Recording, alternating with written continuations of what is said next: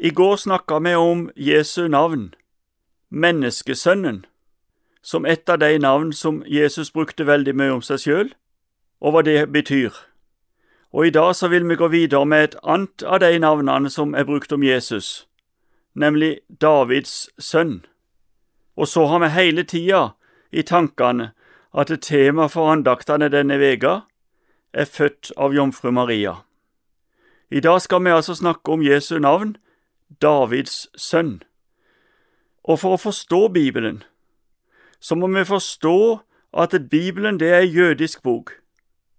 Jødene det er Guds utvalgte folk.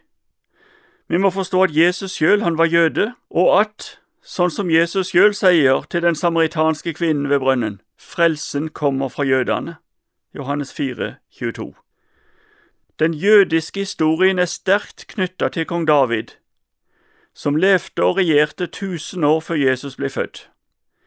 I en andakt tidligere denne veka så, så vi hvordan Jesu ettertavle går tilbake til David, enten vi følger Josefs slekt tilbake til Davids sønn Salomo, eller vi følger Marias slekt tilbake til Davids sønn Natan.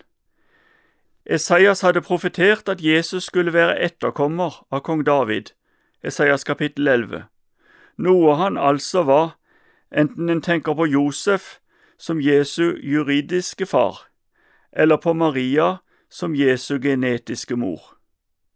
I juleevangeliet i Lukas 2 leser vi at Josef og Maria dro fra Nasaret til Davids stad som heter Betlehem, fordi han, altså Josef, var av Davids hus og ett. De som tiltalte Jesus som Davids sønn, hadde dermed all mulig dekning for å gjøre akkurat det. Men ettersom Davids sønn også var knyttet til profetiene om en evig konge og et evig herredømme, ja, om Messias, så tror jeg nok at Jesus han hørte en bekjennelse med å bli tiltalt som Davids sønn. Det ble en bekreftelse av hvem han egentlig var. Men dette falt ikke i god jord hos de skriftlærde. I Lukas 18 helbreder Jesus en blind mann i Jeriko etter at mannen hadde ropt Jesus, du Davids sønn, miskunn deg over meg. Lukas 18, 18. Og i Matteus 9 så møter vi det samme ropet ifra to blinde utenfor Kapernaum. Også de ble helbreda. I Matteus 21 leser vi om når Jesus rir inn i Jerusalem på palmesøndag på eselfolen, og folket roper Hosianna, Davids sønn, velsignet være Han som kommer i Herrens navn. Folket, de venta på en politisk frigjører, og de var slått av undring over de kraftige gjerningene han gjorde. De skriftlærde på sin side, de likte ikke at folk fulgte etter Jesus, og det hadde nok særlig å gjøre med at han egentlig bandt det i ord, og at hans ord hadde truffet de så altfor hardt. Og dessuten, og det tror jeg er viktig, så var det et stort problem. Det var at Jesus etter Skriftene ikke kunne være konge, selv om han var Davids sønn. Kongelinja, den gikk fra David til Salomo, og fulgte altså så Josefs stamtavle. Men denne kongelinja den ble brutt ved en konge som het Jojakim, som hadde forkasta sin fars påbud om at det var Abraham, Isaks og Jakobs Gud som skulle tilbes og æres som den eneste sanne Gud. Kong Jojakim, han forkasta altså det som hans far, kong Josias, hadde innført med en reform, nemlig at avgudsdyrkelsen skulle bort, og at tilbedelsen skulle rettes mot den ene sanne Gud. Bruddet med dette førte til forbannelse, så når Jojakim ikke ville følge det hans far hadde pålagt, og videreføre det, så førte det til en forbannelse, og så sier Herren i Jeremias 22, 30. Skriv denne mannen opp som barnløs, som en mann som ingen lykke har i sine levedager for ingen av hans ett skal få den lykke å sitte på Davids trone og herske over Juda. Dermed så blei kongerekka brutt med Jojakim, og det var jo ellers ingen tronarvinger i Davids sønn Natans stamtavle, den som Maria var etterkommer av.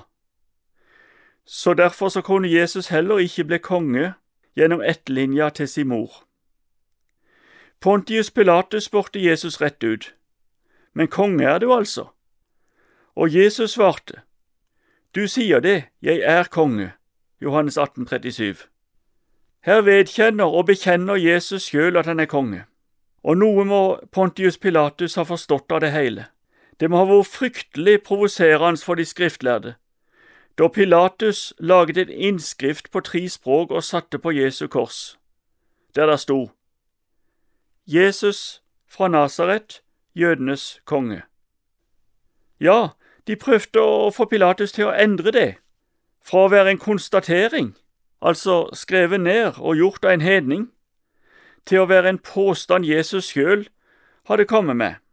Men Pilatus han ville ikke endre noen ting og han svarte bare at det jeg skrev, det skrev jeg. Og sånn ble teksten på Jesu kors stående for all framtid, Jesus fra Nasaret, jødenes konge. David sier i Salme 110,1 Herren sa til min Herre, Sett deg ved min høyre hånd, til jeg får lagt dine fiender til skammel for dine føtter. I Matteus 22, 42 bekrefter fariseerne at Messias, når han kommer, skal være Davids sønn. Og da spør Jesus, når David så kaller han for Herre, hvordan kan han da kalle han å være hans sønn?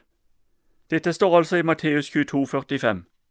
Ingen av de som var til stede var i stand til å svare ham et ord, sier Bibelen. Men sannheten, den lå jo den gang, som nå. Den ligger der fortsatt, i hvem Jesus var og er. Han er både sann Gud og sant menneske. Han er unnfanget ved Den hellige ånd, og han er født av jomfru Maria. Han ble unnfanget ved Herren, altså Gud, og var av menneskelig fødsel Davids sønn. Derfor kunne David profetere om sin sønn og kalle ham Min Herre. Jesus kunne altså ikke være eller bli konge ut fra verken sine juridiske eller genetiske røtter, selv om han i begge henseende var Davids sønn. Når han likevel var konge, så var det som hersker av et rike som ikke er av denne verden, sier han, noe han òg vitna til Pilatus om. Mitt rike er ikke av denne verden. Var mitt rike av denne verden, da hadde mine tjenere kjempet, så jeg ikke skulle bli overgitt til jødene. Men nå er mitt rike ikke av denne verden. Pilatus sa til ham, Men konge er du altså?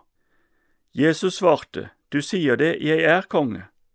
Til ditt er jeg født, og til ditt er jeg kommet til verden, at jeg skal vitne for sannheten.